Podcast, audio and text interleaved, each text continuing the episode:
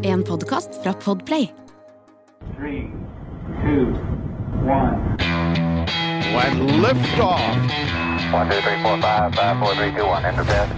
Okay, we checked all four systems, and there you go on modulation, all four, and keying with a go. Quality base here. The Eagle has landed. Ja, prøv, vær stille litt nå. Uh, vi skal begynne denne podkasten med å som vanlig Hei, Eirik. Dette er Romkapsel. Hei, Occupy. Mars-trøya er på plass. Selvfølgelig. Vi skal okkupere Mars. Ja, det er det jo ingen som helst tvil om. Og nå er jo, Undertrykke, urbefolkningen. urbefolkningen. Det er et veldig viktig poeng. som man gjerne gjør når man okkuperer nye territorier, så er det jo det som skjer. Uh, men eh, det vi skal gjøre i dag, er å måte, anerkjenne at vi har fått en viss grad av konkurranse her. Det er så trivelig å kunne si 'her på huset'. Eh, for eh, her vi sitter, så er det jo flere som lager podkast, og så er det plutselig en eh, fyr som har fått for seg at Mars, ditt dit skal jeg dra. Og da lurer jeg sånn umiddelbart på Mener du det på ordentlig, Alex? Ja, Helt på ordentlig? ja, ja, ja. Jeg mener det fullstendig, og det er veldig rart, for den, jeg, jeg har pratet om dette her kjempelenge, og jeg har fortalt det til alle de folkene jeg har jobbet med her på huset, som er det podhuset her. Eh, og uh, egentlig skulle jeg ikke lage det programmet i det hele tatt, for jeg skulle jo lage noe til Radio Rock, som egentlig handlet om rock'n'roll-musikk. Men hvert eneste møte ble en samtale om Mars. Og da var det en som sa at hvorfor kaller du ikke bare podcasten at du skal reise til Mars? Og så blei det det. Ja, for det er det. Altså, du har jo da du har, eh, Den har rulla i gang nå. nå altså, når var det den starta? Den startet for to uker siden. Ja. Så vi har lagd to programmer, og skal nå i gang med det tredje programmet. Og vi har ikke engang blitt, blitt ferdig med punkt nummer én på lista. Og hvis dere hører på den podkasten, så er det mulig at det vil dukke opp en annen kjent stemme. Og da det er, det Ja, er, ja, men Det er fordi at du er ekspert. Og det er, det er veldig ofte at jeg trenger litt eksperthjelp. Men, det, men sånn er det jo når det gjelder Mars, for Mars er jo eh, Altså, jeg må jo si eh, Jeg hadde jo ikke satt meg så veldig mye inn i Mars. Jeg har også alltid vært veldig fascinert av Mars, og og også ønsket å dra dit. Uh, og så var det veldig stille veldig lenge. Jeg var jo opptatt av dette allerede på 80-tallet. Og så var det stille lenge, og så begynte vi å lære masse om Mars pga. disse romsondene og roverne og sånn. Så nå veit vi jo utrolig mye mer om Mars enn vi gjorde for sånn 20 år siden. Og da har jo jeg også begynt å sette meg inn i det, og det er som du sier, det er, det er komplisert, altså. Det er veldig Det er som sånn derre Det er som et av disse kjempesvære sånn Lego-settene, ikke sant? Det er sånn en million brikker. Ja. Uh, og hvis du, hvis du bommer på en eneste brikke, så dør du. Det er jo da greia, da. Ja, men det er jo litt fascinerende. Du må være perfekt. Ja, det La perfekt. du merke, Alex, la du merke til hva Eirik gjorde nå? Vet du hva han sneik inn? At det, ah, jeg digga Mars før det var kult. Ja, ja. Ja, men, men det er jeg helt enig i. Det, men det må jeg bare si, det, det, det, er, det, det gjorde jeg også. Ja. For jeg, jeg vokste bra, opp med Carl Sagen og med en far som hadde stjernekikkert. Og vi hadde stjernekikkert på verandaen, og den måtte du hele tiden snu litt på, fordi Jupiter flytta seg jo. Ja, Sånn vi, ja, og, og, men så kunne jeg se, se på den, og så så jeg at den forsvant ut av bildet, og så måtte pappa justere litt igjen, og så vips, så var den tilbake. Men da så jeg real time det øyet på Jupiter. Wow, så kult! Altså, vet Ja, du, jeg- og da snakker vi 77-76. Ja, men liksom. vet du hva da? Det er meg i 77-76. for at jeg hadde min aller første sommerjobb. Gikk til å kjøpe et svært teleskop fra USA for å se blant annet eh, den, den store røde flekken, det øyet på Jupiter. Ja, Og den så- den var litt sånn der svart-hvitt. Ja. Litt aktig. Ja, du, du veit jo da, siden du har sett gjennom en ekte kikkert uh, med øyet ditt, du vet jo at det er litt mindre spektakulært når du ser det på den virkelige himmelen, enn enn på de fantastiske bildene fra rommet. Sånn er det bare. Ja. Um, det er liksom, Øyet har en annen respons enn film og, og Ja, og så er det liksom den avstanden når du ser igjen den kikkerten, at det blei litt svart-hvitt. Alt blei jo det, Ja. Men du, sånn, by the way, der, der svarer du jo egentlig på For det er et sånn standardspørsmål denne når vi har folk i studio. er liksom, ok, hvordan begynte For at vi veit at vi er sære, og vi veit at alle som hører på podkasten vår, er litt sånn Altså, vi, vi er romnerder. Ja. Så, så, men nå har du delvis besvart det, ikke sant? Altså, hvordan er det du på en måte kom inn i dette her? Du Jeg kom inn i det med månelandingen i 69. Yes! Du òg, ja. Apollo-generasjonen. Jeg var jeg ett følte meg år. veldig ung og ja. Ja, men jeg var ett år. Ja. Okay. Og pappa, og jeg har fått fortalt så mange ganger, han hørte på dette, og da gikk han med meg på hånda. Og så måtte jeg høre på det, men jeg var jo så liten at jeg ante jo omtrent ikke at jeg var født. Men det var sånn at eh, jeg ble fortalt det så mange ganger om den 69-opplevelsen, og at det, det var helt sikkert tannvær på Å, ja. det var alt sammen. Jeg lurer på om det ikke var radio òg.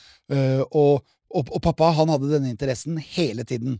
Og så hadde vi veldig ofte besøk av André Bjerke, som var en slags filleonkel for meg under min oppvekst. Oh. Og han var sånn som målte tyngdekraftforskjell fra Majorstuen til Gjorde han det? Ja, til uh, Grefsen. Vi, vi bodde på Grefsen. Og da hadde han en sånn pendel som gikk gjennom rommet, og så satt han og regnet. Ja, ja, den, du vet jo at den, den pendelen henger altså, Det er en sånn Foucault-pendel. Den henger i um, Fysisk institutt i Ja, aula til realfagsbygget realfagsbygget der, ja, ja, med disse i klassiske, fantastiske um, sånn murals, uh, freskene, i taket.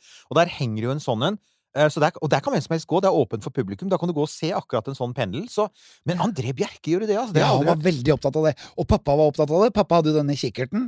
Og så snakket de om det. Og jeg var jo veldig mye av min barndom var jo at jeg var jo en lytter. Mm. Eh, Jeg kunne egentlig ikke blande meg noe særlig, for jeg hadde jo ikke peiling. Men jeg husker de bøkene, de astronomibøkene fra den tida. Mm. Og de tok jeg vare på. Mange av de er jo feil i dag. Hvis du leser de i dag. å, herregud. det Altså, er så mye antakelser! Jo, men du har dem? Ja. Ja, for det er en sånn bitter ting som jeg gjorde. Altså, da jeg flytta hjemmefra, flytta på hybel, Stemmer. så kastet jeg bøkene mine, for jeg tenkte de trenger jeg ikke. Og så, kommer, så går det 15 år, og så kommer Amazon, og så oppdager jeg bruktmarked på Amazon. Og hver eneste en av de astronomibøkene er jo nå faktisk altså, Noen av dem selges faktisk for flere tusen kroner. For er, altså, fordi de er så sjeldne, og de kom i små opplag på 70-tallet, og de er ofte veldig sånne Husker du den tjukke Den tjukke som hadde bilde av galakse utapå, som bare het astronomi, som var tjukk, og som var litt vanskelig å lese? den. Jeg hadde den. Ja, det er legendebok. bort! Det er legendebok! Hør, men hør, vet du hva? Fascinerende her nå. Altså, bare for å beskrive rommet vi sitter i. Uh, Eirik og Alex sitter liksom sånn overfor hverandre i Ja. noen litt sånn comfy uh, chairs. Eh, godt tilbakelent. Og så eh, jeg sitter litt sånn utafor, på, på enden av den eh, trekanten her, fordi jeg må trykke på noen knapper innimellom. Eh, og så ser jeg nå hvordan to eh, veldig, veldig, veldig forskjellige menn møtes eh, i en litt sånn lik interesse da de var små, og så eh, begynner jo kakafoniet her, men så skjedde det et eller annet, det er så fascinerende at den, Ja. den fascinasjonen som var lik da man var barn øh, og, og, og ung, og så skjedde et eller annet, og så voldsomt så det skeisa i forskjellige retninger for de to, og så møtes de igjen nå! Ja. For nå er det snakk om å overta nytt territorium. Ja. Det er det. Du, la du merke hvor elegant han forsøkte å få oss tilbake på sporet igjen? Ja. Altså bare så det er sagt, folkens. Settle down, it's gonna be a long run. vi er ikke engang kommet til Men vi må Men, men dette var jo Altså, har du snakket, bare sånn, har du snakket med, noen, med noen andre om dette før? For jeg har aldri hørt deg si dette. Nei, eh, det, er- alt jeg har tenkt, da, i min karriere, det er at eh, man må åpne seg selv opp som en pakke i langsom fart. Ja. Hvis du gir for mye Ja. av deg sjæl, så har du ikke noe å overraske med senere.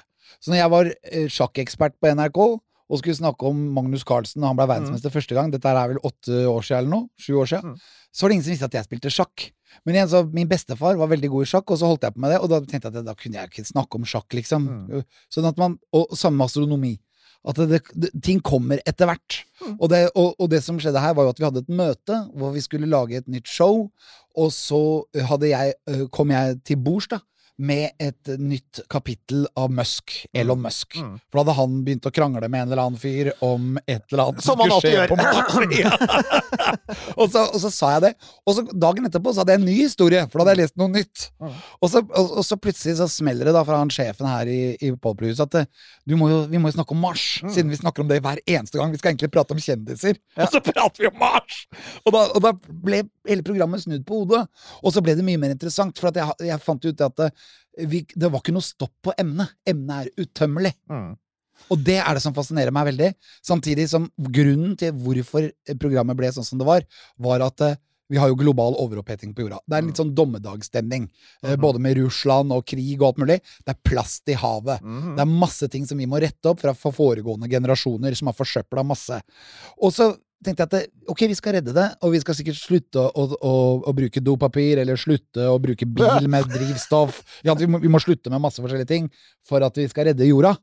Og så tenkte jeg at det, det er som passiv redding, da. Ja. Jeg, ville, jeg ville prøve å finne ut hvordan kan vi aktivt faktisk redde jorda. Vi må jo finne en løsning. Mm. Og så begynte jeg å lete etter et svar på det.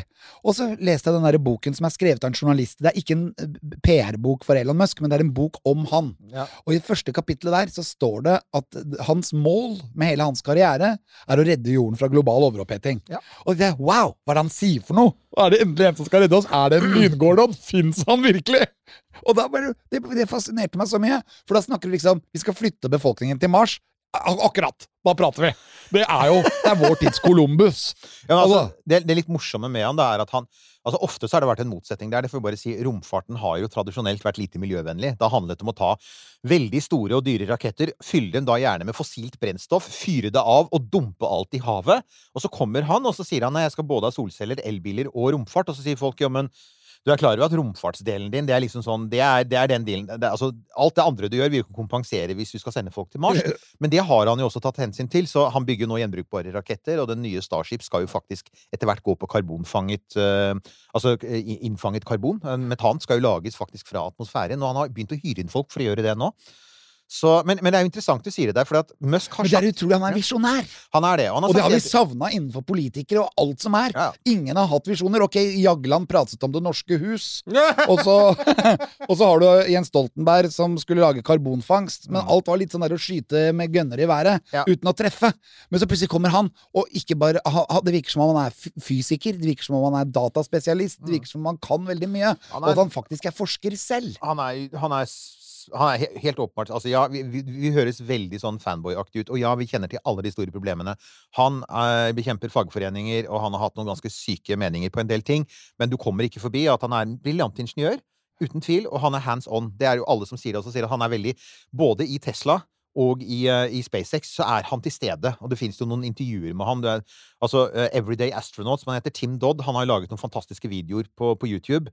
Eh, kan, hvis ikke du har sett det, jeg vet ikke om du har sett det? Nei, Nei, det, jeg det er så mye. Da skal jeg sende deg lenken. Ja, det må ja, for. Tim Dodd er en av de få som, som Elon faktisk snakker med på, på, på Twitter. Elon har 60 millioner som følger han, og han følger 10, og jeg, jeg tror Tim Dodd er en av dem. Og Tim Dodd intervjuet han nå før, for noen måneder siden, på seinhøstes, på, på Starbase, og går rundt og snakker med en Elon Musk som er Han er helt knekt. Altså, Elon Musk er jo ganske svær, men han er ganske høy. Uh, han bor i et hus til 50 000 dollar på stedet. Altså en litt sånn litt, Jeg lurer på om han ikke har solgt det. han har solgt alle de private eiendommene sine, men han bor i, han bor i brakker rundt omkring på anleggene. Så han bor altså på Starbase-anlegget, og han har enormt vondt i ryggen, for han har så dårlig seng. Uh, har store smerter, men tar nå med Tim Dodd rundt i tre timer, og de prater og prater og prater. Og da sier han blant annet det som du er inne på her, med han gjør dette også for å gi oss noe å håpe på. Han, som han sier, jeg, jeg vil at vi skal kunne våkne opp i morgen og glede oss til fremtiden. Ja, og det gjør jeg. Du gjør det! Altså, det er jo så veldig ålreit å høre i våre dager. Ja, men jeg gjør det hver eneste dag. Mm. Det var litt vondt i ryggen i dag, og da ble jeg litt bekymra, men så gikk det over. Ja. Og da er jeg glad igjen. Men altså, for, for, for, som Nils Johan sa for ca. tre kvarter siden Dette med Mars, du. Så, så, så, så, men så kom da dette altså Du har hatt denne fascinasjonen for Mars, du oppdager Elon Musk. Ja, men jeg har hatt fascinasjon for Venus, jeg har hatt fa- fascinasjon for Merkur, solen, Vi tar for episoder det. det. Andromeda. Ja, men det er jo enormt. Solsystemet med Men Mars, hvis vi skal flytte til Mars for å redde jorden, så er min fascinasjon altoppslukende når det Ja. kommer til Mars. Og det har det vært. Den røde planet. Når jeg Mm. sitter, jeg, jeg, jeg kan plukke ut planetene på himmelen. De er der stort sett hver eneste natt. Ja. Og jeg har til og med opplevd å sitte i min egen seilbåt og filme Jupiter-skinn Det er vakkert i sjøen, altså. i sjøen. Ja, det er nydelig. Det er bra. Det er helt rått! Altså, Jupiter kan være veldig kraftig, og hvis den står lavt, så kan du jo faktisk se det. Så det Du er jo, ser det! ja, ja. Og jeg, Jupiter shine, og jeg måtte legge det ut. Ja, det må du gjøre. Du må passe på å dele disse astrogreiene dine. Jeg skal tipse sånn eh, astromiljø om altså, Dere må følge Alex, for han driver og legger ut disse her eh, Jeg Ja, nei, bare jeg, det er, jeg skal ikke si så mye. Jeg bare komme inn og innimellom droppe en liten kommentar. Jeg syns det er veldig fascinerende, dette, dette nye bildet, den nye siden ved Alex Rosén her. Altså, det, Mm. det, det må jeg si. Men igjen så vil jeg spørre deg. Mener du det på alvor, Alex Rosén, at hvis du får muligheten, så Mm. kommer du til å reise til Mars? Ja, nå tagger jeg jo Musk i hver bidige Twitter-melding, nesten. For å gjøre han oppmerksom på Ja, ja. meg, da. At jeg kan være en kandidat som Ja. kan være med. Og jeg mener at vi må jo ofre noe. Jeg har jo lært mine barn masse, og jeg tenker sånn at man må jo ta noen sjanser i livet. Skal man gaine, eller skal vi få utvikling, så må man gjøre det. Nytter ikke å sitte hjemme og si hva du Eller snakke om hva du tror du kan kunne bli, hvis jeg hadde blitt sånn som det egentlig skulle bli. Det går ikke. Så jeg prøver å være en doer, altså en, en gjører, ikke en talker. Men- Og det, det jeg tenker på da, er Mars. Og så ser jeg det at det er noen som vil til Mars, andre vil det ikke. Men for å ta det steget, så må noen faktisk gjøre det. Og da tenkte jeg at da kan jeg gjøre det. Og så, hvis kona mi og barna mine sier nei, så gjør jeg det ikke. Men jeg tror de kommer til å si ja, og så gjør jeg det. Og det er det, det, er det som er innholdet i dette programmet, at jeg skal gjøre det. Og så har jeg jo veldig mange tradisjonelle venner som er, sitter bakpå, og som sitter med begge beina på 80-tallet, og som ikke har fått med seg alt det som har skjedd. Og da, og da tenker jeg at eh, da må jo jeg lære masse av min generasjon om hva, hva, hva som er mulig. Ja. Hvordan vi skal redde jorda. Og da, og da føler jeg at ok, da, da drar jeg til Mars, da. Da du jeg, jeg, jeg har vært på Nordpolen. Mm. Jeg har vært på Graceland. Jeg har vært på en del steder i verden. Ja, ja. Graceland, der har jeg vært òg. Der, er- der endelig kan jeg være med! Ja, det er jo en peak! Ja, ja, og ja. Og det er noen sånne steder som Ja. man må ha vært. Mm. Og da tenker jeg at eh, jeg har ikke vært på Mars ennå, så nå, nå er det det. Ja, og da tenker jeg altså at altså, Hvis vi skal se på sånn realismen i det, da, der, der vi er nå, så kan vi si at for øyeblikket Vi sitter jo da i starten av 2022. Ja, men 2022 er et bra år 2020 Mars. Ja, det, det, er, det er ikke noe dårlig år. Men altså, det, det, er jo flere ting som skal skje her først. For det første så må altså Elon klare å bygge den raketten sin. Ja, den har den jo bygd. Den har landa av seg selv nå. Den har det, men, men den har ennå ikke fløyet opp i bane. Og det er jo den neste store testen. Og, og siden vi, altså Dette her skal gå om ikke så veldig lenge, uh, så derfor så vil det fremdeles være aktuelt når vi sier det. Altså, altså Miljømyndighetene i Texas har jo gått gjennom Starbase og må lage en, sånn, lage en miljøgodkjenning. Og det er jo helt rimelig at de skal, for du skal jo tross alt sende opp verdens største rakett i historien.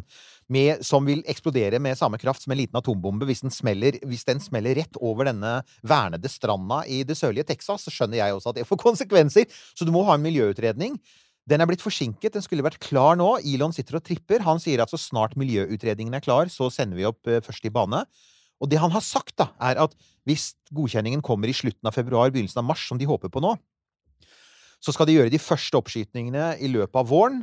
Og så håper han på å få opp fram De bygger jo fortløpende eh, nye raketter, og håper på å liksom komme i rute i løpet av dette året med regelmessige oppskytninger, og neste år Men så reelt sett så kan vi sende meg ut til Mars omtrent utpå høsten en gang, da. Eh, ikke helt.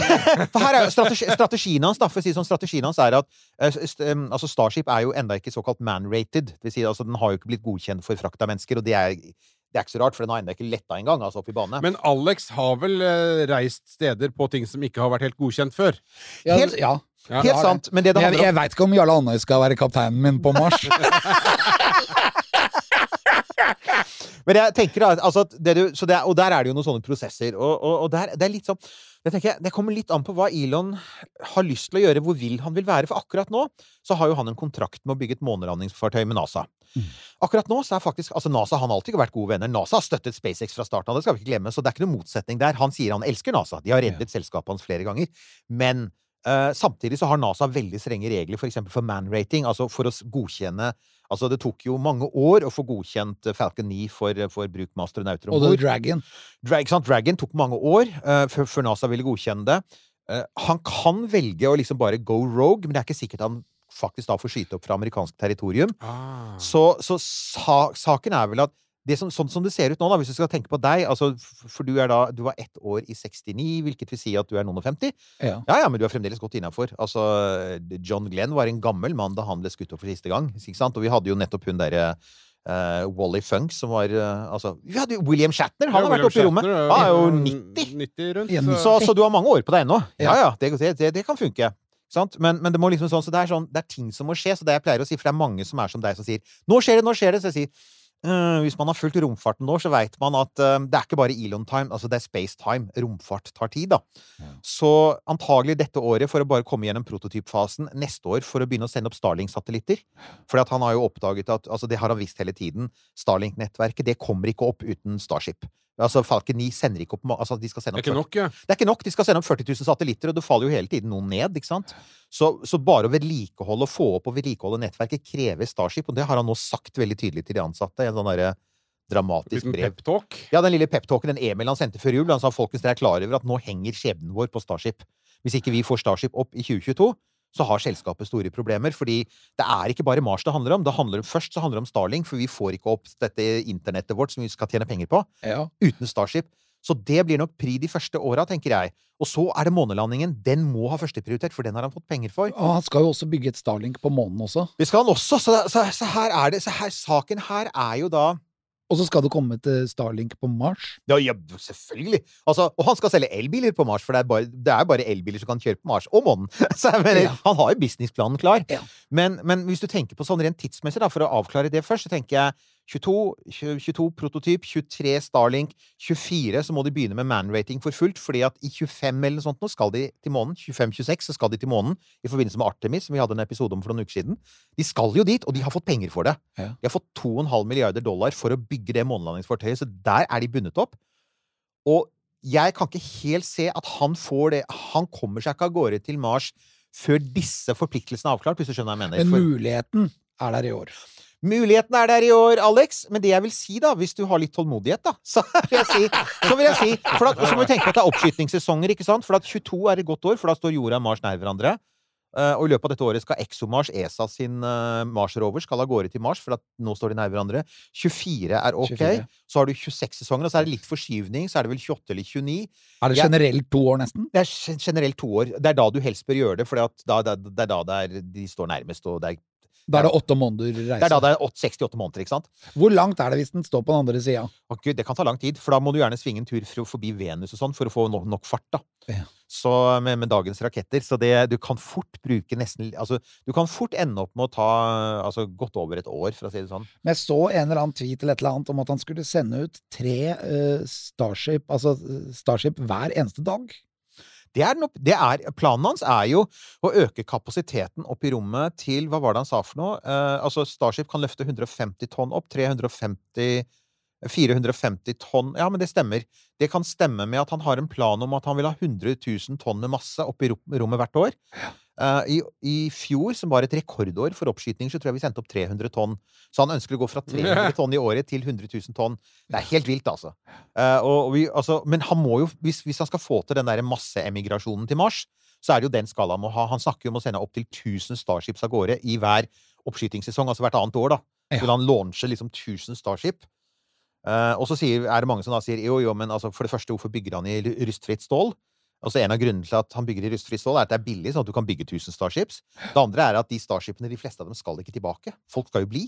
Med andre ord, da har du rustfritt stål på Mars, og det er veldig mye lettere og, og, å, å, altså å kutte opp og, og sveise sammen rustfritt stål til nye komponenter enn karbonfiber. Karbonfiber er notorisk vanskelig å jobbe med. ikke Ja, altså. Men stål er faktisk helt greit. Det betyr faktisk at du altså, Det er vel ingen av oss som er sveisere, men Eller kanskje du har gjort det òg? Ja, jeg har sveiset. Ja, men da er dere to foran på meg, foran, foran meg i køen. Men jeg er ikke så bra til å sveise rustfritt stål. Jeg er best i vanlig stål, faktisk. Svart, va- vanlig svartstål, ja. Det er det enkleste. Ja, Ja. og jeg, jeg har alltid tatt den enkleste veien. Ok, men, men, er det, men går det an å ta et oppfriskningskurs? Ja, det gjør det. Ja, jeg var ikke så lenge siden jeg var på Folkeuniversitetet og tok et lite sveisekurs. Så, Så- ja, det er det er egentlig aluminium. Alex, Ja. du har sagt at man kommer til å trenge Du, du sa jo i podkasten din da vi snakket sammen der, at du kommer til å trenge, man kommer til å trenge en klovn på Mars, sa du. Eller en musiker. Ja, men jeg, føl- ja, eller en musiker, men det jeg føler da, er at jeg må bare endre litt personlighet. Jeg er ikke så sikker på det, skjønner du, for saken er altså, Hvis vi tenker på det, da. Anta at du for eksempel det er, Året er 2026, da, for å være litt optimistisk. Da er det mulig at de skal sende av gårde den første. Så året er 2026, og de skal velge ut noen folk, og de kan velge ut ganske mange, for de har plass til ganske mange. Uh, og, og hvis det hadde vært NASA, så kan jeg si at du allerede har vært screwed, for du kommer ikke inn i NASAs program. Ingen av oss gjør det. Men det er jo ikke det han skal. Han skal ha sitt eget program. Ja. Musk skal ha sine egne folk til Mars, og han kommer til å gjøre sine egne utvalg. Og da tenker folk alltid sånn Ja, ja, du må, du må ha Igjen, du må ha astronaututdanning, og det er, du må være i superform, og du må gjennom fem millioner legeundersøkelser og alt mulig sånn. Og jeg tenker men, men Musk skal bygge en by på Mars, og den gamle tenkningen som folk ofte reagerer med, den er feil. Eh, du skal helt klart ha et mye større mangfold av folk på Mars. Du Men skal ha du ville at jeg skulle være litt rolig. At jeg må være en litt sånn rolig, avbalansert Altså, person. du må Men det finnes piller som ordner det. Det finnes Det ikke ja, ja, ja. Det- Så det trenger du ikke å tenke på. Men, men du er en doer, som du sier. Du vil være en doer. Du er en doer, og det trenger man jo. Altså, folk som er villige til å ta i et tak og, og være mannskap. på et vis, samtidig som du kan fortelle en vise Det er veldig en- viktig. Ja. Mars kommer til å bli veldig mye alle mann på dekk, for at det kommer til å være krise på krise på krise. Det veit vi jo. Ja. At når du kommer dit og setter den basen opp, så går ikke alt perfekt. Det blir 12.02-ere i fleng, ikke sant? Og, og det må fikses da, for ellers så, så dauer du. For at igjen, det er ikke noe slack på Mars. Hvis en ventil ikke er lukket, så dør du. Altså hvis strømforsyningen konker ut, så dør du. Alt dette her. Men det, det du sa, for at, altså grunnen til at jeg spurte deg om det med, om, om det med sveising, da, det er at i starten så kan du ikke bare ha Igjen, astronauter er ofte ganske spesialiserte, men de skal gjerne være på romstasjonen og gjøre én spesifikk ting. På Mars så blir det litt som Jeg pleier å si at Mars kom, blir litt som Norges minste kommune, som jeg har vært en del i, Utsira kommune. Som har 120 fastboende eller sånt nå. Ja. Dere kan rette på meg, dere som lytter på meg fra Utsira. Jeg vet at det er noe. Det er rett, det er rett utafor Karmøy. Ute i er havet. det er rett utenfor, og det er et veldig fint sted. Jeg har vært der ganske mye. eh, Litt for lenge siden nå, på grunn av Vi vet Ukas alle hvorfor. tettsted. Flott Ja, sted, Det er og fantastisk tettsted. helt nydelig sted. Og ikke minst, det er et sted hvor det er ganske vanlig at folk har mer enn én jobb, fordi at et lite samfunn ikke sant, med 120 fastboende typ, da. Mm. Altså, du kan, ikke, du kan ikke bare ha spesialiserte folk, du må gjerne ha sånn jack of all trades. Sånn blir Mars. Mars blir et sånt småsamfunn med kanskje 50-100 mennesker til å begynne med. Mm. Og alle må kunne mer enn én ting. Så ja, legen må kunne være lærer, og Ikke sant? Og eh, altså, du, kanskje du må Er du god til å lage mat, for eksempel? Ja, jeg er veldig god til å lage Ikke sant? Så der har du, du er kokk, du er sveiser, og du er dessuten altså, Komiker. Nå, komikeren. Nå begynner vi å snakke! Alex, jeg får lyst til å være med nå. For at Ja. eh, jeg har alltid tenkt at hvis ikke det her eh, radio, pod, eh, media-greiene har funka, så har jeg alltid hatt lyst til å bli vaktmester. Ja! Ja, men det sier Så det, det, jeg føler at det være Mars-vaktmester og dra og ordne litt og koble noen kabler der, og så kan jeg sveise litt, og så Ja. skru noen bolter og Det er bra sånt. på Det- seg, men altså, dette har jo vært, dette har jo vært en av mine kjepphester veldig lenge. Som jeg sier at, altså, for at vi, har, vi har vært veldig bundet opp av liksom sånn NASA-tankegangen. Og det er ikke så rart, for at vi vokste opp med 60-tallet, og 70-tallet og 80-tallet med romferja, og alle sammen har crew cuts, og de har militær bakgrunn, og de har doktorgrad, og de er olympiske mestere i maraton, og de er litt sånn slitsomme personligheter. og så er saken er at, at på et eller annet tidspunkt så visste alle at hvis rommet skulle bli til noe mer enn bare en sånn derre syssel for de rikeste landene på kloden, så måtte på en måte alle få lov Altså, ikke alle skal med, for at det sier seg selv at hvis du har en alvorlig kronisk sykdom, så er ikke Mars stedet for deg. Det kan jeg si. Det må du vente litt til de har sykehus på Mars, ikke sant? Eller, så hvis du har en del Det er en del sånn alvorlige type helseproblemer og psykiske problemer som Ja, men uh, Musk har jo lagd denne her uh, Tesla-doktoren. han, Og alt henger sammen med alt. Ja. Gjør det ikke det? Jo, det Altså, han bygger tunneler. Du skal bo under bakken på Mars. Han bygger tunneler. Ja, Uh, han har elbiler, som er det eneste som kan funke på Mars. ja. Han har Tesla-doktoren. Han har Neuralink, som ja og skal Tesla-doktoren skal jo kunne klare å gjøre 3500 operasjoner og du uten å ha en lege til stede. Og så har, Den- du te du Tesla-botten, som jo faktisk kan sendes før mennesker til å bygge basen, sånn at mennesker slipper å bygge det, gjøre grovarbeidet. ja. Så det eneste jeg ikke får til å passe inn der, er flammekasteren. Jeg vet ikke, Hva tenker du? Ja.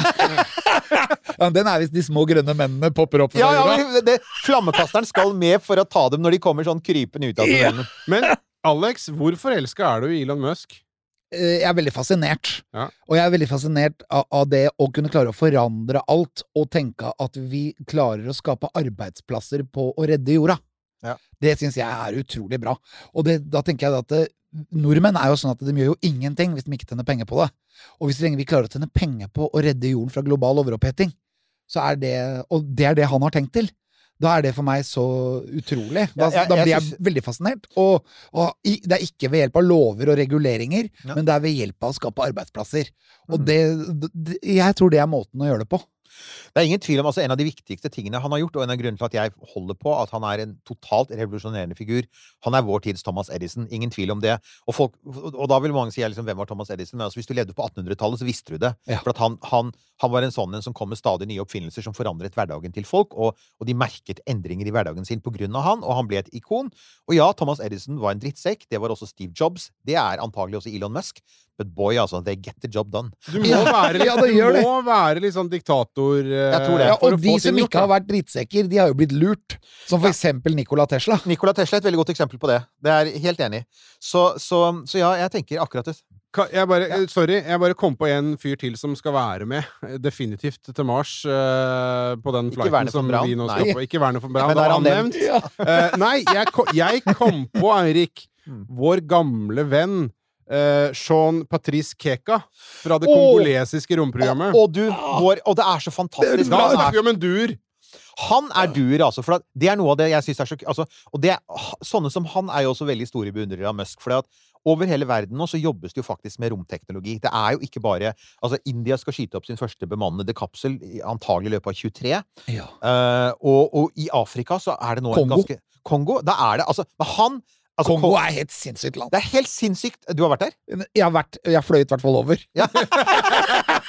Det så veldig sinnssykt ut under. Ja, Ja, men det er bare jungel. Og Det er bare det. elver. Det er det. Og så har du hatt borgerkrig, og du har fattigdom. Men Kongo har én enorm fordel, da, eh, sammenlignet med en del andre land. De ligger på ekvator. Og ekvator er en fordel når du skal skyte opp, for da får du litt drahjelp fra jordrotasjonen. Og de har denne svære jungelen som du eventuelt kan dumpe raketter i. det er fælt. Det er liksom like sånn- svært som tre europaer, liksom. Ikke sant? Så, så Afrika har egentlig noen veldig store fordeler, og han er altså en fyr som vi, Dere får høre episoden om han, men eh, altså, det er en fantastisk historie, og han bør helt klart bli med. Også fordi at igjen, som du sier, vi trenger sånne folk som kan løse For det handler ikke bare om Altså, det var en ting når vi snakker med astronauter, for eksempel. Vi har en astronaut som uh, var på romstasjonen, som kommer i ganske nær fremtid på denne kanalen. Andreas Mohensen. Andreas Mogensen, første danske i rommet. Fremdeles danskene ligger foran. Og det er, veld, det er et veldig kult intervju, men det er også et intervju som liksom a- avslører at han hadde Altså, hans arbeidsprogram var sant, minutt for minutt. Og det er ikke så rart, fordi i romstasjonen så koster det 10 000 dollar i minuttet eller sånt, eller hva søren, ikke sant, å ha folk der. Ja. Sånn at alt er regulert ned i minste detalj. Den igjen Altså, det som kommer til å skje på Mars, kommer ikke til å ligne på dette. Det kommer til å være andre typer folk, og det kommer til å være en annen situasjon, for det kommer til å være masse ukjente situasjoner, ikke sant? Det kommer til å skje ting der som er sånn Og der er jo The Martian veldig bra, filmen. Ja. For den, den, den handler jo egentlig om alt de tingene som blir kasta på Matt Damon. Ja. Og sånn Å ja, nå Ikke Leonardo DiCaprio. Nei, men du trodde jo ja, men det, var, det var ikke jeg som sa det. Nei, det var det. jeg vet det. Ja, det Er det noen Jeg som har trodd at det var Leo? ja, jeg har noen vindskeive karer i studio. Pedro. Pedro han okay, Pedro. kjenner bare til Lionel Richie. Shame, shame on you. Hallo. Det er fantastisk. Jason Bourne var på Mars. Jeg sier ikke mer. Ja. Ja. Ja, men det som er helt utrolig der, er jo det at han overlever jo, da. Og det, jeg var jo faktisk fagkonsulent på den boka. Eh, da, for, eh, boka er skrevet av en fyr som heter Andy Ware, som pleide å være programmerer for NASA, og som slo seg opp som forfatter, og som skrev boka i samråd med NASA-eksperter. Han gikk ut på sånn type eh, diverse nettfora.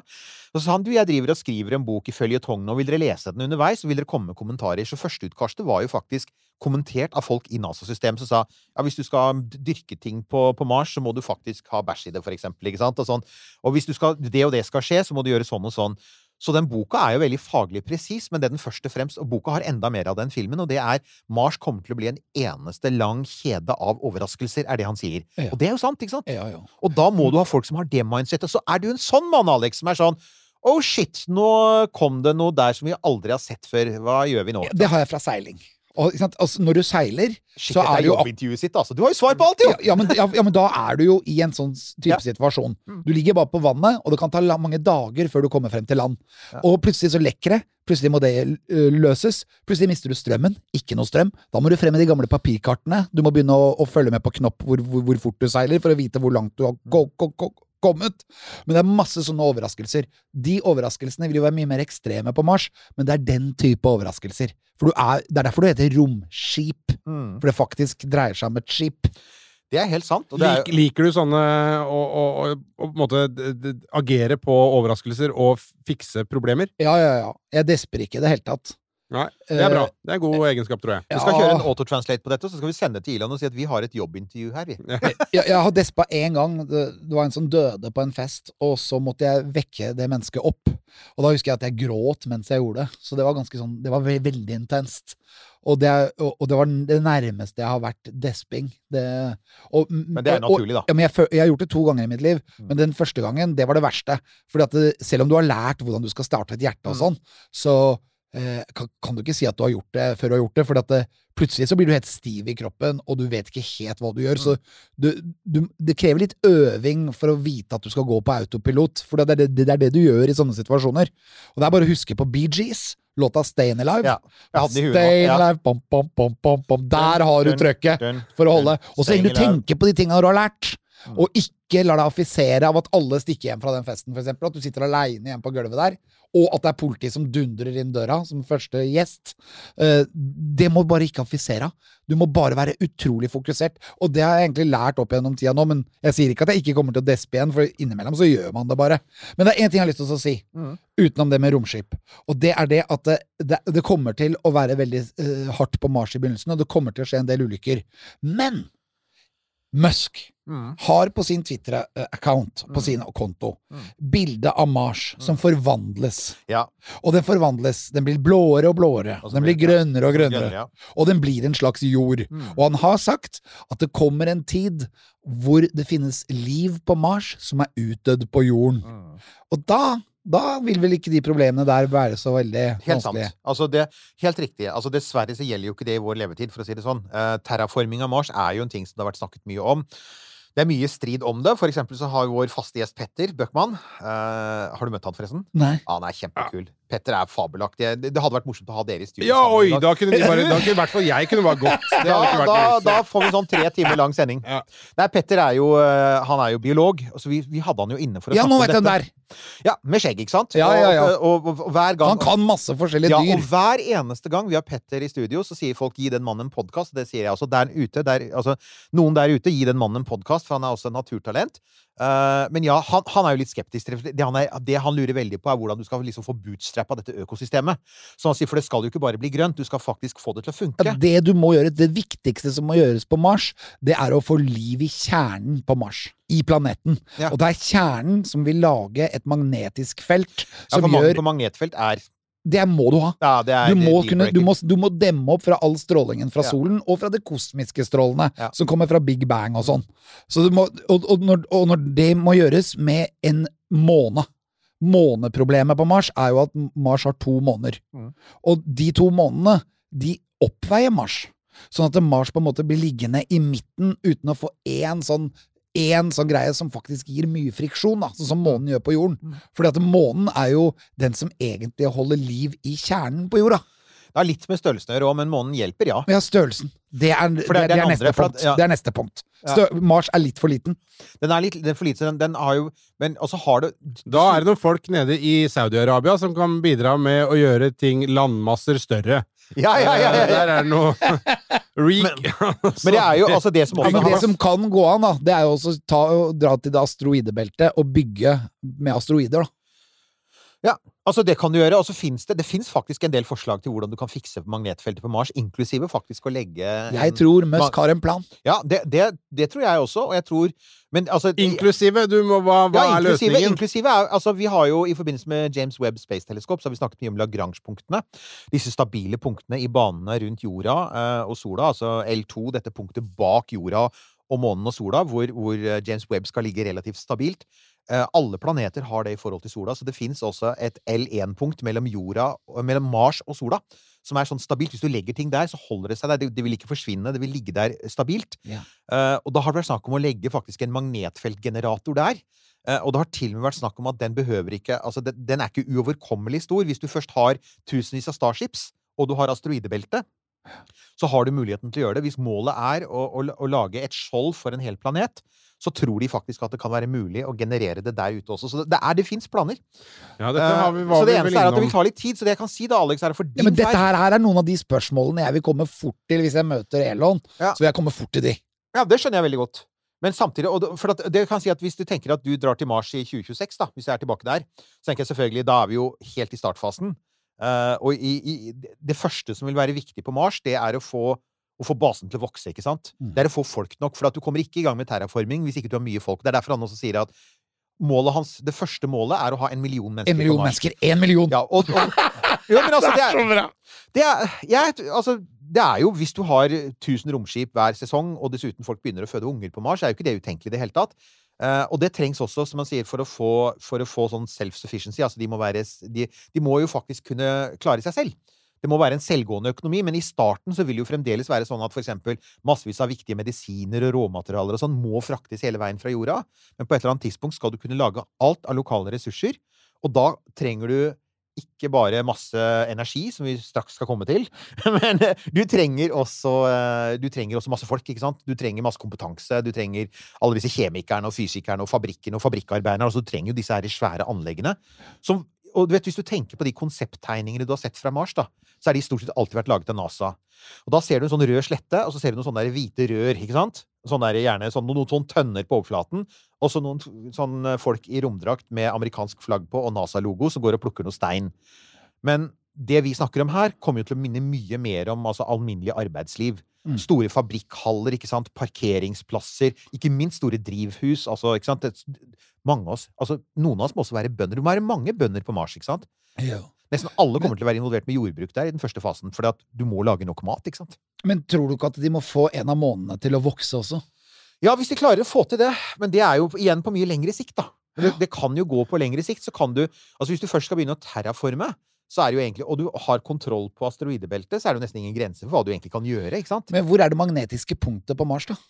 Det er, du, det er ikke noe egentlig best, Altså, Mars har et litt sånn rart magnetfelt, for Mars magnetfelt er litt sånn brutt opp. Så det ligger blant annet så har du på den sørlige delen av Mars så har du noen sånne konsentrerte områder med ganske høyt magnetfelt. Så det det, og, dessuten i de dypeste Det fins sånn et sånn veldig dypt område på Mars som heter Hellas. Som ja. og som er veldig dypt. Og der er det Det kuttet. Verdens største Grand Canyon, er det ikke det? Ikke sant? Det er veldig dypt. Og nederst der så kan du faktisk også Der vil atmosfæren være tettere, for atmosfæren beskytter også mot stråling.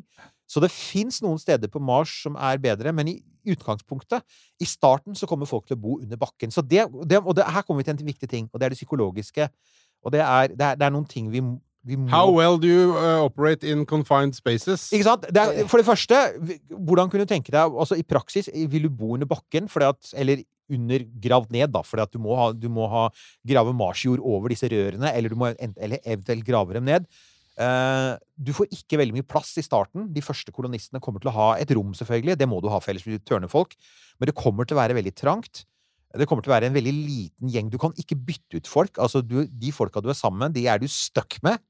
Du kan ikke gå et sted. Hvis du blir sur, så kan du si nei, jeg går, jeg må trenger å gå meg en luftetur. ikke sant? Så man kan bli, man blir irritert. Ja. Nei da, det går ikke på Mars. Du er stuck med disse folka, ikke sant? Ja. Og, og, og du er helt avhengig av dem. Altså, alle må gjøre jobben sin, for ellers så dør du. Så du er jo ikke, det er ikke sånn heller at du kan si sånn i dag er jeg litt deppa. Så jeg, jeg, Ja, men de må, de må rett og slett sende noen damer også, da. Det blir mange damer. Det blir minst 50-50. Antagelig. altså Så vil ikke overraske meg om det blir flere enn eh, Og det er på grunn av psykologigreia. For Ja, for det kan roe, roe meg ned når jeg må gå tur. Ja, Så kan det hende at det holder med å ta en lunsj med en pike, liksom. Og da er vi sånn Q, alle dere. de, Kommentarfeltet, kjør debatt. Ja. Her sitter tre gubber i Nå gutteklubben. sitter det tre gubber og diskuterer damer på Mars. Ja. Folkens, vi er fullstendig klare. Uh, Wally Funk, Valentina Tereshkova, Sally Ride sånn, ikke sant? Ja, men vi må tenke på hvordan vi skal være rolige. Nei, altså, poenget er egentlig at du skal ha et, du skal ha et mer balansert samfunn. For igjen, rom, ikke sant? astronautene i dag da, er veldig skeivt fordelt. Det er en sånn 95 er menn, eh, og de har veldig sånn selektivt utvalg. De som skal til Mars, skal være mye mer sånn normalt sammensatt. De skal liksom være sånn det skal være et mer gjennomsnitt av folket. Så da blir det helt klart... Du Kan ta med familien, Alex. Der kommer den andre tingen, og det er det med at Ja. det er alle ganske tydelige på at det, skal, det er nok lenge til vi kommer til å se noen barn på Mars. Og det er på grunn av Og det det er, det er faktisk jeg, jeg var på en konferanse for noen år siden. Der skulle du vært, for øvrig. Det, dit bør du nesten dra når de åpner igjen. Det er Mars Society sin årlige konferanse i Pasadena, California. Fantastiske Ja, det vil jeg være med på. Ja, men da skal jeg tipse deg om det, Alex. Vi tar, vi, vi jeg tar med hele redaksjonen, og så tar du med redaksjonen, din, og så. Ja, så drar vi der. For, der, for, at det, de, for det de klarer der, da, er å samle alle, alle Mars-gærningene, men også alle Mars-ekspertene. Og der var det en som holdt et foredrag om etikken i dette, og det er et innmari godt poeng. Og det er du kan velge å dra til Mars, men for eksempel hvis du velger å føde et barn på Mars mens det er så primitivt der, da, virker dårlige forhold, trangt og farlig, Ja. så har du i praksis tvunget noen som ikke har valgt det livet, til å vokse opp. Så da sier han etisk sett så bør man vente med å ta med barn, og dessuten føde barn der, til det er litt større, og det faktisk er litt barnevennlig. Sant? Fordi at Ja. ellers, altså, for ellers så blir Mars som en sånn evig tur i baksetet på en bil, ikke sant? Det er, Jo, men til ja. man også vet uh, hvordan det påvirker menneskekroppen å være der lenge, da. Det, Innmari altså- godt poeng, for at vi vet jo En av de tingene vi ikke har gjort, er det er visst En gang på 70-tallet så gjorde visst russerne et forsøk med å spinne ting i en tredels G, altså Mars-gravitasjon. Nå eh, sendes det opp utstyr til den internasjonale romstasjonen hvor man skal faktisk begynne å teste ting i en tredels G igjen, en sjettedels G og en tredels G, for å simulere måne- og Mars-gravitasjon. Men det har tatt altfor lang tid. Månen er en sjettedel. Det er en sjettedel. Eh, men det har tatt altfor lang tid, er jo poenget. Det har tatt altfor lang tid. Vi har altfor lite kunnskap. Så du har helt rett, eh, Nils Johan. Det er et innmari godt poeng. Men veldig mye av det du ønsker deg for Mars, eh, Alex, ligger jo fryktelig langt fram i tid.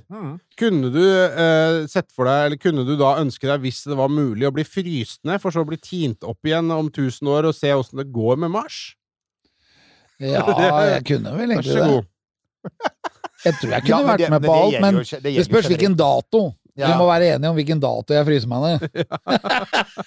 Ja, jeg tenker Ja, men du kan komme opp og være litt på Mars. Ja. Og så vet du at ok, men her, nå begynner det liksom det primitive eh, nybrottsarbeidet å funke. Det bor noen folk her.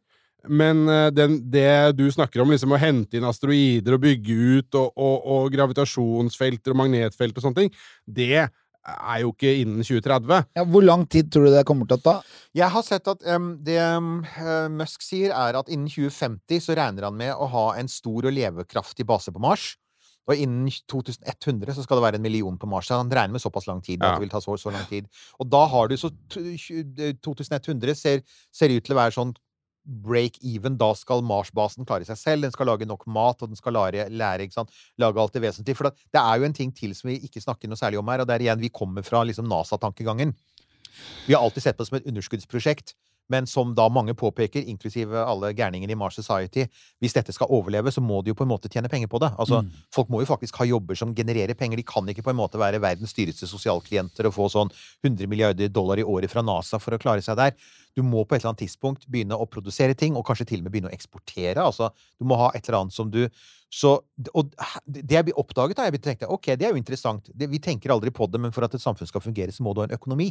Kommer vi eksempel til å ha penger på Mars? I starten sikkert ikke, for du trenger jo ikke penger hvis det er 20 mennesker et sted, og du? Og du har et drivhus, og alle får den maten de trenger, liksom. Men på et eller annet tidspunkt så skal du vel over på en pengeøkonomi. Og så, skal du vel, og, så, og så vil du antagelig begynne å få rike folk og fattige folk. Og så vil du begynne å få Og det, det er en ting som har opptatt meg. Jeg husker første gang jeg snakket om det, var 20 år siden, og folk ble så sjokkerte jeg sa det. Dere er klar over seg at vi kommer til å få kriminelle på Mars? Ja. For at det er sånn Nei, men det, Mars er jo for forskere og astronauter. Ja, ja, men altså, hvis det blir et samfunn der, så kommer du til å få kriminelle, og du, sant? og du kommer til å få svindlere, og du kommer til å få alt det som fins på jorda. Eh, og selvfølgelig rusmisbrukere og sexarbeidere og alt det som Akkurat som i Star Wars. Som i Star Wars, og ikke minst akkurat som i I um, Total Recall. Total Recall. yeah. Den første Total Første, Recall. Yeah. ja. Altså det der underjordiske samfunnet. Vet du hva? Jeg tenkte, jeg husker første jeg tenkte Wow, that's weird. Men jo eldre jeg blir, tenkte jeg men selvfølgelig, hvis du får et fungerende menneskesamfunn, et stort menneskesamfunn med en million mennesker på Mars, så vil du få en slum med masse lugubre aktiviteter og dive bars og, og, og tvilsomme typer, og du vil få Folk vil bli banka opp, og de vil bli drept. Og altså. Alex Rosén er sheriff. Ja. Ja, for det er jo den ting du, We need a lawmaker. ja, men det er veldig viktig å ha høy moral. 1202. I startfasen så er det helt essensielt. Men altså, Mm. det, for det, det jeg tenker at i startfasen så kommer jo også den basen til å være litt sånn sånn ekstremt Altså, alle må være veldig hensynsfulle overfor hverandre, for det er veldig dårlig plass. Mm. Ingen kan forsyne seg med for mye, for det er veldig begrensa ressurser. Eh, det finnes ikke noe penger. Det kommer til å være ekstremt miljøvennlig. Vi kom, eh, for eksempel energi. Det blir veldig mye solkraft. Ja. Eh, det blir selvfølgelig ikke noe fossile brennstoffer, for det funker ikke på Mars, og det er ikke noe vits å frakte dem. Men du har pratet før om atomkraft. Ja, kjernekraft må du ha. Eh, og det er det de utvikler NASA nå. De utvikler et kjernekraftverk. Og, de som, Og det kan du ha på hytta. det kan du ha på hytta. Eh, det, heter, det heter Kilopower. Produserer opptil 10 kilowatt og ser ut som en stor paraply. Det hadde vært innmari greit å ha Det på synes jeg hytta. er hypp på det. Ja, 10 det er, kilowatt, det er ikke nok. det er, altså, men da setter du bare opp tre paraplyer, ikke sant? Altså, det de sa da, er at en, en sånn base, 30 kilowatt er ikke nok. Nei, men sånne Base- paraplyer er base- det. baseline Hvor er det du får tak i de paraplyene? Nei, altså Akkurat nå så er de bare på for, for, forsøksstadiet. Så det skal bli spennende å se om de kommer til å selge dem på eBay. Men greia er da at, at det mange har sagt, er at for å drifte, hvis vi skal snakke om det, energi Vi vet du må ha mat, du må ha luft, du må ha vann. Luft og vann fins på Mars. Det, det fikser man. Også oksygen har de på Mars, og du har vann på Mars. Så det fikser man. Maten kan man etter hvert begynne å produsere, men ingenting av dette funker hvis ikke du har energi som driver kraftverkene som skal produsere mat og luft og, og, og sånn. Og vann. Eh, og da så jeg har sett et sånn typisk energiregnskap for en sånn baseline base på 10-20 mennesker, da. Da snakker de om sånn type Hvis den er gravd ned, for da slipper du faktisk å bruke noe særlig på altså, energi på oppvarming. For Mars, altså Mars-sanden er så isolerende. Så dette har man regna på og funnet ut at du trenger veldig lite til oppvarming. Så det aller meste kommer da til å gå til generering av luft. Eh, Og til belysning av drivhus, og til disse fabrikkene som skal produsere brennstoff og vann og oksygen. Og da snakker de om sånn type eh, et par, hundre kilowatt, kanskje. Altså eh, sånn type Ja, et par hundre kilowatt. For de kommer til å være, ja, Det er liksom baseline. Da tror de at i løpet av to år så kan de fylle opp et romskip og dra tilbake til jorda ved hjelp av det. Men så snart den basen vokser til mer enn 20 mennesker og blir 100 mennesker, så trenger du en megawatt. ikke sant? Og igjen, solceller kan gjøre det, men solceller Sollyset er bare 40% så sterkt på Mars. Og så har du støvstormene. Og når støvstormene kommer, så synker lyset ned til en halv prosent. og det er sånn- veldig dårlig. Jeg har sett på den roveren der oppe. ja, og på, Opportunity. Du så de siste bildene. Var jo Mm. De var jo mørkebrune og nesten svarte ikke sant? Like før den døde. Så du må ha stabil energi for de tidene hvor du ikke har solenergi. Og da er det Vind fungerer ikke, for vinden er altfor svak. Der tar jo The Martian feil. Eh, geovarme, som du sier. Mars er kald inni, så det er veldig lite varme å hente ut fra innvendig. så og, jo, Vi har så mye å velge på jorda. Vi har liksom sånn ved, vi har vind, vi har vann, vi har tidevann. Vi har masse å velge i. På Mars har du egentlig Du har egentlig bare to energikilder som peker seg ut. Og det ene er altså ja, sol, og det andre er kjernekraft. Det er det du Men har. Musk snakker om at han skal starte opp Mars, da. Ja. Med at den skal bli en varm planet. Han, Og at ja, den er nødt til å være det. Den, det må være det, for ellers går det ikke. Men igjen, det blir jo på lang sikt. Så i, i starten Så noen kommer det, altså noen på Mars kommer til å få jobben til Homer Simpson. De skal være kjernekraftteknikere. Eh, altså, den store røde knappen. Så, altså. men eh, nå eh, er du klar over For at nå har du fått en eller annen sånn realitetsorientering på et Ja, vis dette er kaldt vann i blodet, Eh, kalles dette. Ja, kaldt, veldig kaldt for vann i meg er ikke det kaldt vann i blodet i det hele tatt. Dette her bare viser at det er mulig. Ja, ja. Men det er det. Ja. Det, er- det er akkurat det. Det er, det er fullt mulig. Det, men, men det jeg har oppdaget For jeg har også liksom av en eller annen merkelig grunn satt meg inn i dette. Og og oppdaget det er jo det. Her er en sånn ting som de enda ikke har løst, for eksempel. Romdrakt på Mars. Altså, NASA sliter jo med å lage en romdrakt på månen. Og så sier man jo, jo, men du var jo på månen i, på, i 69. Jo, jo, men de romdraktene var jo nesten i stykker da de reiste hjem. De tålte jo egentlig ikke det oppholdet. Hadde, altså, Apollo 17-astronautene hadde jo slitasjemerker på diverse steder på romdraktene sine fordi månestøvet gnagde på det. Og ikke bare det, men romdraktene var innmari ubehagelige, så de hadde jo også sår på innsiden. Altså, de hadde sår på kroppen fordi at det gnagde. Så hvis du skal ha en romdrakt som skal brukes i år etter år, daglig, på en, på en annen planet, den romdrakten er ikke bygd ennå, og den bygger jo nå NASA for månen. Og så sier de ja, men de har allerede brukt en, de kommer til å bruke en milliard dollar på å lage en måneromdrakt. Jo, men det er fordi at det er den første. Altså, det er klart, de neste 10 000, de kommer til å være Altså, ikke sant? Hva er det viktigste man må ha i en romdrakt? Hva, hva er det som er i stoffet? Og det er mange. Det er mange lag. Du må ha altså, en ting, du, du, altså det, det du ser, er jo dette ytre Altså det, det ytre tøystoffet, da. Er det tøystoff? Det, altså, det, det er ofte altså det er laget av kunststoff, men det er jo ofte bare for å beskytte deg mot varme, reflektere lys. Um, og så under der så har du Du må selvfølgelig ha et lag som holder lufta inne, som er som i praksis er Er det bly? Er det blyen? Nei, ikke bly. Det ville blitt altfor tungt. Så det det er, er diverse det er, det er sånn diverse lag med kunststoffer som for det første holder lufta plass, på plass, som også beskytter deg for eksempel ute i verdensrommet i vektløshet mot mikrometeoritter. Da har du sånne ting som kevlar. Kevlar eller noe Du har et lag med kevlar, så vidt jeg husker. Mikrometeoritter. Og så har du, har du også et eget lag eh, under selve denne her, eh, altså den luftblæra, da, og kevlarlaget, og tøylaget, og det, så har Aluminium.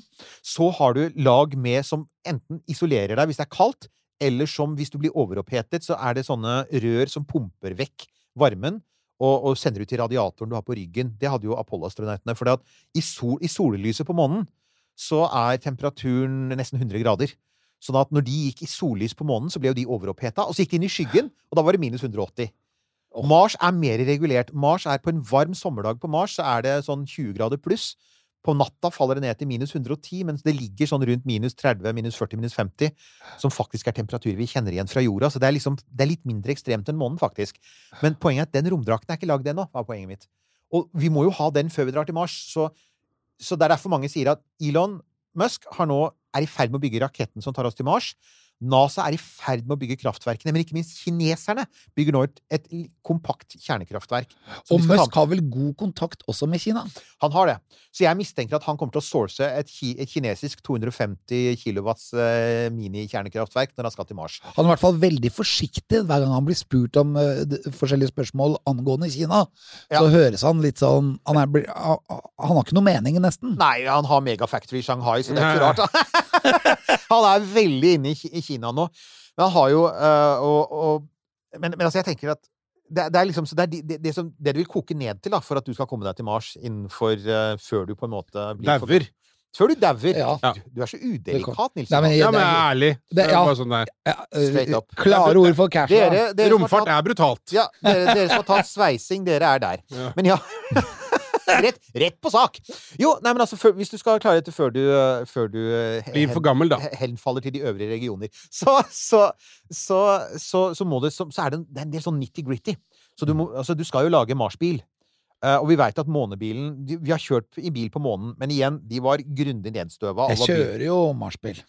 Ja, men Det er altså bare ballongdekk på Teslaen, det, så er det. ja, bortsett fra altså, at du har dette evige svevestøvet på Mars. Det er det som bekymrer folk. For at i atmosfære, det som gjør atmosfæren rosa, er jo støvpartikler. Uh, og det er en blanding av uh, litt sånn uh, korroderende ting, litt jern, Eh, Man, er jo, man har faktisk ikke god nok oversikt over effekten av støv. Det man ser, er at disse roverne kjører jo i årevis. Altså, Curiosity har kjørt rundt i ti år. Ja ja, men ok. På ti år så har den kjørt hva? 15 km. Her skal vi bygge biler som skal kjøre 100-200-300 km på en dag. Altså like mye på en dag som, eh, som Curiosity har brukt ti år på å kjøre. Så vi, vi må Så det er en hel haug med ting som på en måte må først testes ut på jorda, og så må vi kjøre det noen, en generasjon på Mars for å finne ut hva det er som funker og ikke funker. Og så selvfølgelig oppgradere det. Så det er masse sånn der så det det kom, Jeg tror mye av dette kommer til å koke ned til ikke den svære raketten, men sånn romdrakten, eh, matproduksjonen, Mars-bilen, ikke sant, også verktøy og sånne ting. Altså, hvordan vil ulike typer verktøy fungere med hansker? Altså, ja. Sånn helt praktisk. Men så er det jo da også innmari mange ting i en sånn fase, da, hvor, der hvor Alex står og, og har fått en oppgave, holder på med den. Men så vil det jo da også være, eh, selv om man har veldig mange smarte hjerner som har tenkt veldig mange tanker og forberedt seg på veldig mye, så vil det jo, som vi også har snakka om, eh, dukke opp eh, Shit, dette hadde vi ikke tenkt på, her må vi finne en løsning med de ressursene vi har. Ja. Med, hvordan kan vi modde det vi har, til å faktisk funke ordentlig? 3D-printere, får jeg bare si det? Ja. 3D-printere kommer til å bli viktige. Det, det sier det, Man skal teste dem ut på månen. For at med 3D-printere, uh, ikke av den plasttypen som, som jeg har, og som jeg vet at alle andre har. Nei, jeg har jo det, og jeg syns 3D-printing er kult. Også fordi at jeg ser at nå jobbes det Jeg vet at NASA jobber med det. Kineserne jobber i hvert fall med det. Det er snakk om at de muligens skal ha med en 3D-printer på en av månesondene sine, blant annet. Mm. For å se om de kan ta månestøv og smelte det sammen. eh, og bruke det til å printe bygninger, ikke sant, og, og eh, altså elementer til sånn eh, Altså røropplegg og fundamenter. Og ikke minst mat. Og så er det mat. 3D-mat. 3D-printing av mat. Og, og der har jo Elon sagt en ting som jeg syns er interessant. Han sier i startfasen av en Mars-base så kan han si, sier han, vi kommer ikke til å ta med oss husdyr til Mars, for at det er altfor ineffektive. Så i startfasen så vil det kostholdet du, vil ha, hvis det kommer noe kjøttprotein, så blir det fra insekter og eventuelt fisk. Men ellers så blir det plantebasert. Eh, og det kjøttet du får, blir antagelig eh, altså fake kjøtt. Sånn som type Ja. Impossible Burger og eh, av den typen. fordi det kan du faktisk lage av planter. Han sier, det- og det er rett og slett for at det er ikke noe poeng å frakte en ku til Mars for å spise biff når 90% av energien går til å holde kua i live. Det gir ikke noe mening. Og, og når, du er, når du har verdens tetteste energibudsregnskap, da, så sier jeg at hvis det blir noe kjøtt på Mars, så er det frysetørka fra jorda, for å si det sånn. Eller Silent Green. Ja, eller når vi da har geo Tok du den, eller? For å være Ja, altså, apropos det, ja, men, så, hvor, altså, hvorfor ikke? Altså, det, men det er et innmari godt poeng, du. Altså, Elon er jo veldig sånn Han er sånn Ja, we're gonna die on Mars. Jo, Elon, men du har jo ikke snakket om hvordan, håndterer vi det egentlig? Det er et godt spørsmål. Det har ikke jeg tenkt på. Tenk, altså, tenk, altså, noen, folk kommer den første I løpet av de første ferdene. Første ekspedisjon, kanskje den andre eller tredje ekspedisjonen. Vi er rundt 2030, kanskje. Og så er det noen som skal drive og bore etter noe, og så raser det, ikke sant? For Mm. de har ras på Mars. Uh, og, og, og glasset på hjelmen knuser, og det er poff, der er du, ikke sant? Mm. Ja, hva gjør man da? Skal man Altså, husk på det finnes regler for at du ikke kan kontaminere Mars-miljøet med jordiske bakterier. Vi er en eneste stor sekk av bakterier, ikke sant? Mm. Vi er stort sett en sånn vertskap for en zilliard bakterier. Så du kan ikke bare legge det i jorda. Skal vi kremeres? Det, det, det Bruke energi på å kremere virker jo meningsløst. virker helt meningsløst. Jeg vet at svenskene har jo Det var et svensk firma som drev og komposterte folk, hvilket jeg syns egentlig var ganske smart. Altså, da har du sånn du kan Sånn Sånn, sånn ja, sånn bestemors sånn, eh, sånn kompost. Kan sånn, sånn, sånn på eh, det lokale plantesenter. Skal vi kompostere, hva tenker du? Eller skal Men det vi... vil jo også bruke opp veldig mye oksygen, da. det vil bruke opp mye oksygen, og det er igjen mangelvare. Vet du, helt seriøst, jeg har faktisk aldri kommet over noen som har prata om dette. Nei. Så hvis noen av dere igjen, kommentarfeltet, hvis dere veit noe, eh, har, om dere noensinne har hørt noe om det, Ja, man må gjøre sånn som man gjør på havet. hva gjør man på havet? Her kommer Havet- igjen. Da pakker du inn kista, og så vipper hun over bord. Du kan ikke det på Mars hvis du ikke skal bryte en del er lovverk, da. Nei, men du må skyte den ut. Du må skyte den Å ja, men da må du ta den opp i rommet. Ja, det virker Vet du, det er Da kaster du bort verdifullt rakettbrennstoff som ellers Nei, men da Nei, men har du må du ta hvert igjen. Det må være en katapult. Ja, Ah, ja, men da er vi da er svær strikk, da er vi inne på det her er ja. slingshot-greiene Ja, men vet og du, sånn ja, den, den, slingshot-shoten, ja. ja det, det skal Men igjen, da, da er jeg tilbake på Soylent Green, jeg også. Ja, ja. For at uh, det er i en eh, død kropp, så er det ressurser. Ja. Og hvis man skal skal ha det er- tighte er regnskapet er, du har helt rett. Det er meningsløst på en planet som for eksempel hvor det kommer til å være innmari vanskelig å utvinne svovel. En menneskekropp inneholder diverse gram med svovel, for eksempel. Mm. Uh, altså fosfor. Altså viktige stoffer Er det lite svovel på Mars? det, det, altså, de aller fleste mineraler som fins på jorda, og de aller fleste grunnstoffer som fins på jorda, fins på Mars. Men det som ikke har vært på Mars altså En av grunnene til at vi eksempel finner svære forekomster av svovel, og, og andre mineraler Vi kan finne områder hvor de er samlet opp, er jo blant annet fordi at vi har hatt elver. Vi har hatt rennende vann over lang tid. Har, altså Ting har kunnet samles opp og avlære seg. Du har jo hatt vann på Mars, men det var veldig kort. Så det man ser på eh, en, um, Det var faktisk en eh, norsk geolog, jeg var i paneldebatt med han en gang, og han sa det. Eh, han sa at eh, eh, vel eh, Han, han syntes Mars var geologisk kjedelig.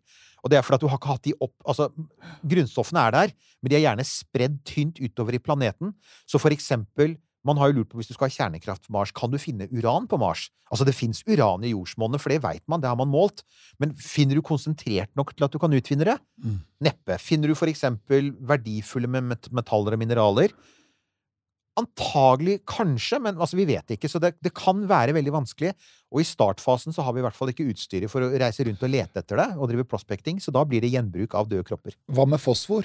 Det er det jeg sier, at jeg tror at i starten så er det meget mulig at de essensielle stoffene du trenger for eksempel for plantevekst, må fraktes fra jorda, fordi at eh, de fins der, men de fins altså så, så sant vi når, vi når vi ser det, så er det gjerne spredd tynt utover. Det vi finner konsentrert, er jo faktisk vann. Altså is under bakken, det finner vi. Mm.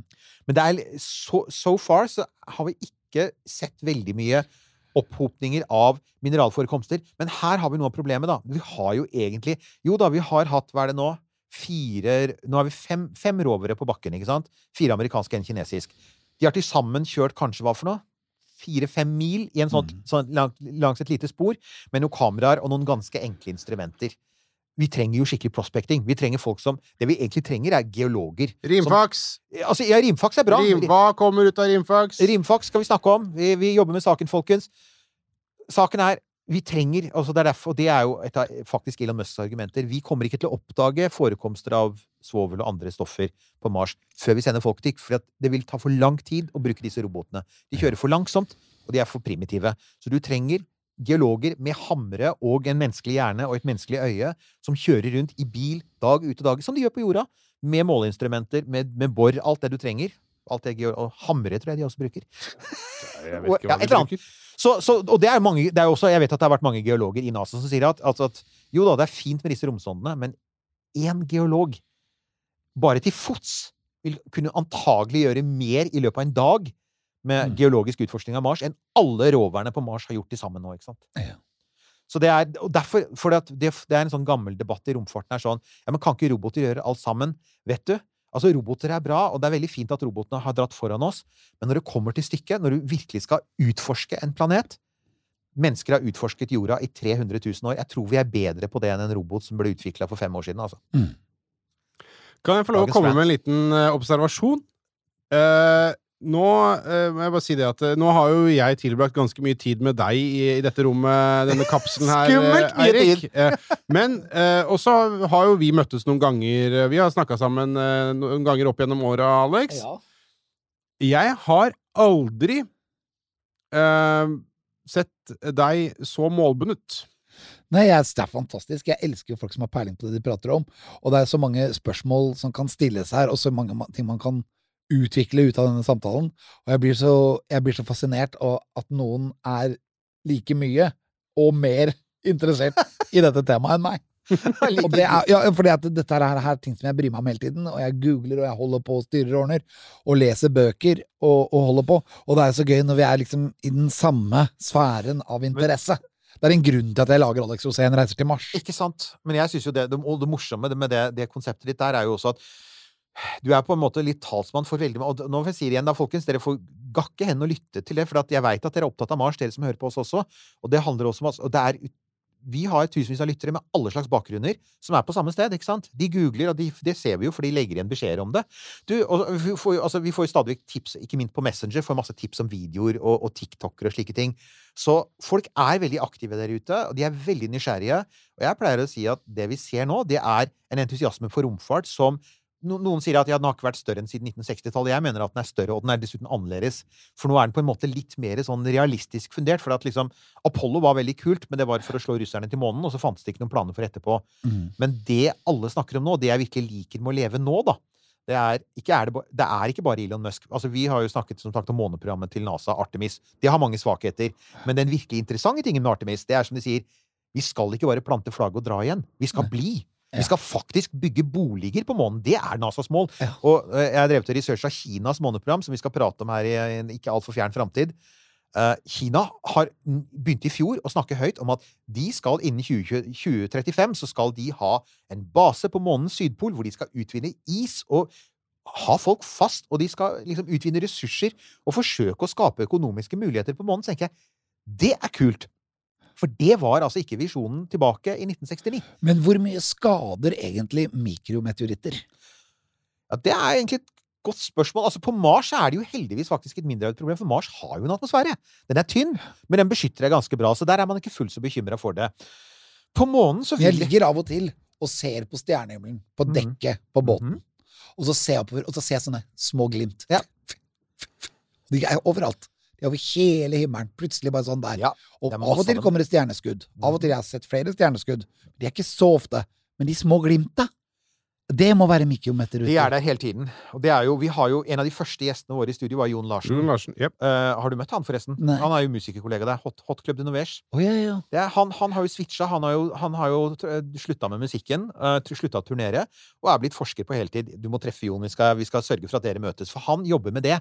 For han plukker opp de mikrometeorittene på bakken. Han, han er jo blitt mikrometeorittjeger. ja. Så han finner jo faktisk klumper fra hele, hele solsystemet i veistøv, i veikanten og, og, og, og På tak. på eh, tak og, ikke sant? og i, i, i takrenner i Norge. Altså, han har jo Så Jon er jo også en fantastisk kul type, og akkurat en sånn Igjen sånn klassisk nerd, da, fordi at Jon har jo heller ikke en, egentlig en fagbakgrunn. Han har ikke veldig mye utdannelse. Han ble jo musiker og kunstner, og så har han etterutdanna seg på egen hånd da, til å bli en av verdens fremste eksperter på på, på solsystemet og mikrometeoritter. Og nå er han anerkjent for å være en av de ledende i verden. Jeg bare synes det er så dritkult. For, jeg synes, for det er en ting helt på slutten her, da, hvis vi skal ja, Men hvor mye skader de deg? Ikke så veldig mye hvis du har på deg en god romdrakt, fordi da har du flere lag. Uh, Hvor mange er det av de på månen, liksom? ja, På månen så er det ganske mye, for at du ser det månestøvet du har, er jo mye resultat av jevnt bombardement gjennom milliarder av år, da. Men altså, hvis du tenker det er hvert, Hver dag så faller det ned 100 tonn med meteoritt, meteoritter på jorda. 100 tonn? 100 tonn. Det er mye hvis du tenker på, for at det meste er mikro. Med andre ord, vi snakker om antagelig om milliarder av mikrometeoritter som treffer jorda hver dag. De aller fleste av dem blir bare støv. Altså de, de, de blir, blir gass i den øvre atmosfæren, og vi ser dem aldri på bakken. Noen få overlever ned og daler helt ned på bakken, hvor Jon finner dem. Ja, han finner noen av de, da. Han finner noen av de. Også, ja, noen av de. Ikke alle. Han finner ikke alle. Men, så, men, men, han, men, men det som han sier, er at de er overalt. Så det, det er faktisk sjukt mye av dem. Og da, tenk på at jord, på jorda så blir alt resirkulert. Sånn at Åssen kjenner du det igjen?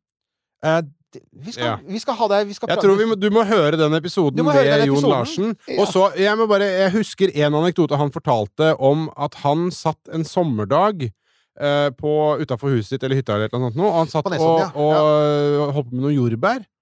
Og så eh, plutselig så la han merke til at det var noe på duken på bordet som eh, glimtet. Og det var det ikke noe som hadde glimtet der tidligere. Og sånn var det vel hele eh, mikrometeoritteventyret til Jon Larsen starta, fordi han oppdaga Oi, shit, her er det noe! Hvor har det kommet fra? Og så Jøss. Mm, ja. Og der begynte mikrometeoritteventyret. Og nå går han eh, langs eh, veier eh, og, og med lupe og en liten pose og prøver å finne mikrometeoritter. Klatrer opp på tak eh, og finner i takrenner og på tak. Og, og har samla tusenvis av Og publisert i internasjonale tidsskrifter. Før covid så var han jo på internasjonale konferanser. Men hvor kommer de fra, da?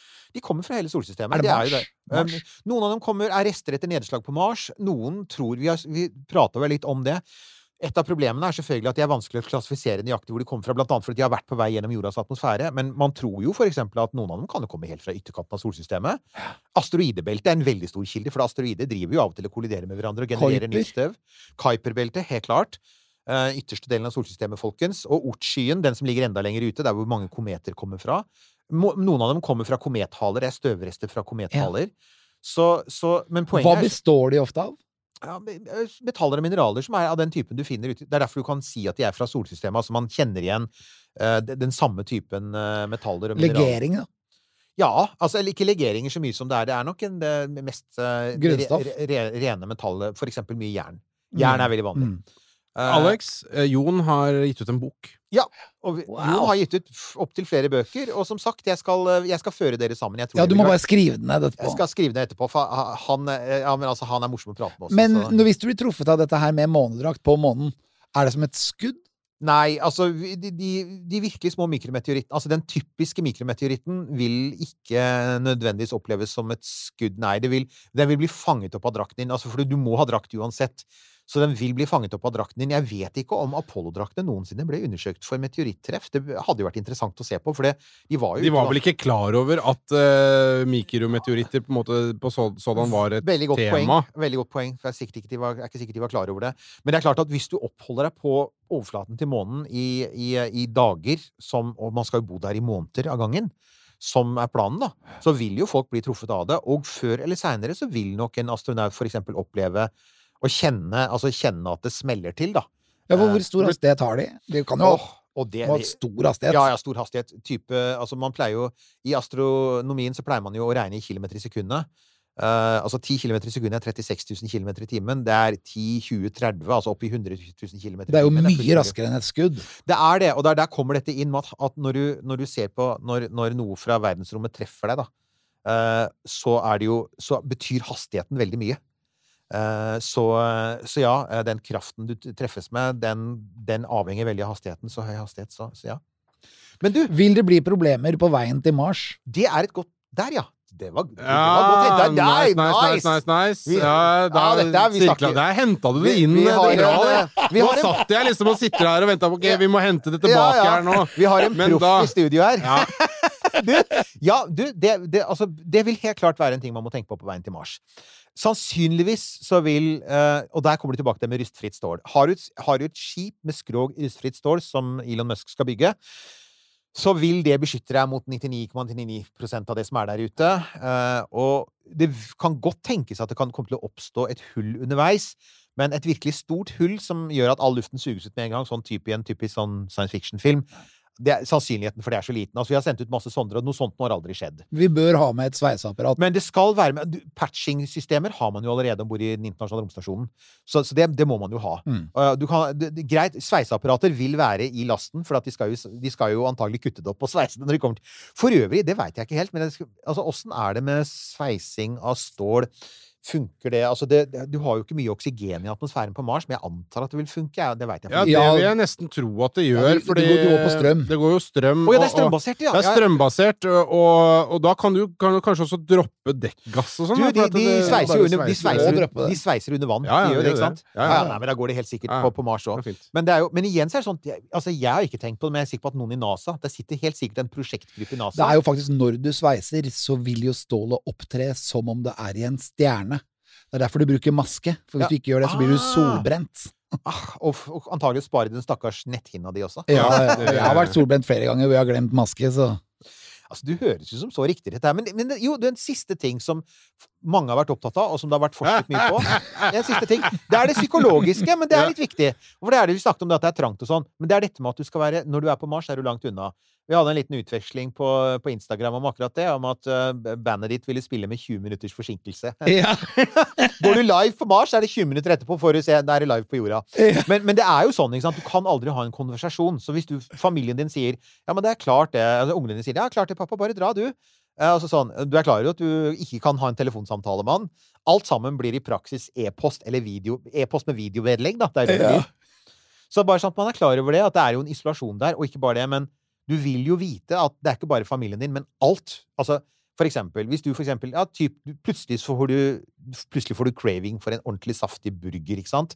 Og du har spist fri, frysetørra mat i et år, Uh, og det er liksom sånn enda en sånn der pose du heller varmt vann opp. da kommer skriveren inn, da. Der kommer skriveren. Ja, men altså, det jeg sier, er den, kommer til, den, er kommer til, den kommer til å være der etter hvert, men den kommer ikke til å være med. Den første ferden du vil være med på, så er den ikke med, det kan jeg si. Men, det er en ting som man har vært litt opptatt av. er jo akkurat det, liksom, Hvordan Ja. tåler vi det sånn psykologisk? da? Ja. Uh, og da er det ikke bare isolasjon fra familie og venner, men det er også isolasjonen fra grønne, ikke sant? grønne enger, trær, altså luft, skyer Havet, Alex! Havet, Havet. havet, du, ikke sant? Hva Ja, tenker men du om det? jeg, det? Musk har jo sagt at det kommer til å komme antageligvis to hav på Mars. Ja, men ikke din levetid! Kan vi si det?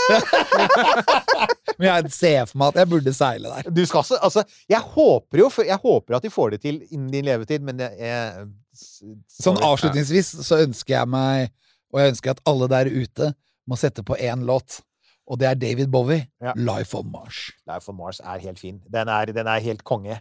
Den er nydelig, og så har du eh, Ja, ja jeg syns Starman passer også veldig bra. Ja, ja. Er, eh, Hele det konseptet. Space Oddity også. Space Oddity, ja da. Off, Major Tom. Ja, det er sånn. Ja, men, men, også, men det interessante med, med, med Bowie er han lager jo den plata på begynnelsen av 70-tallet, ikke sant, til glam-perioden. Mm.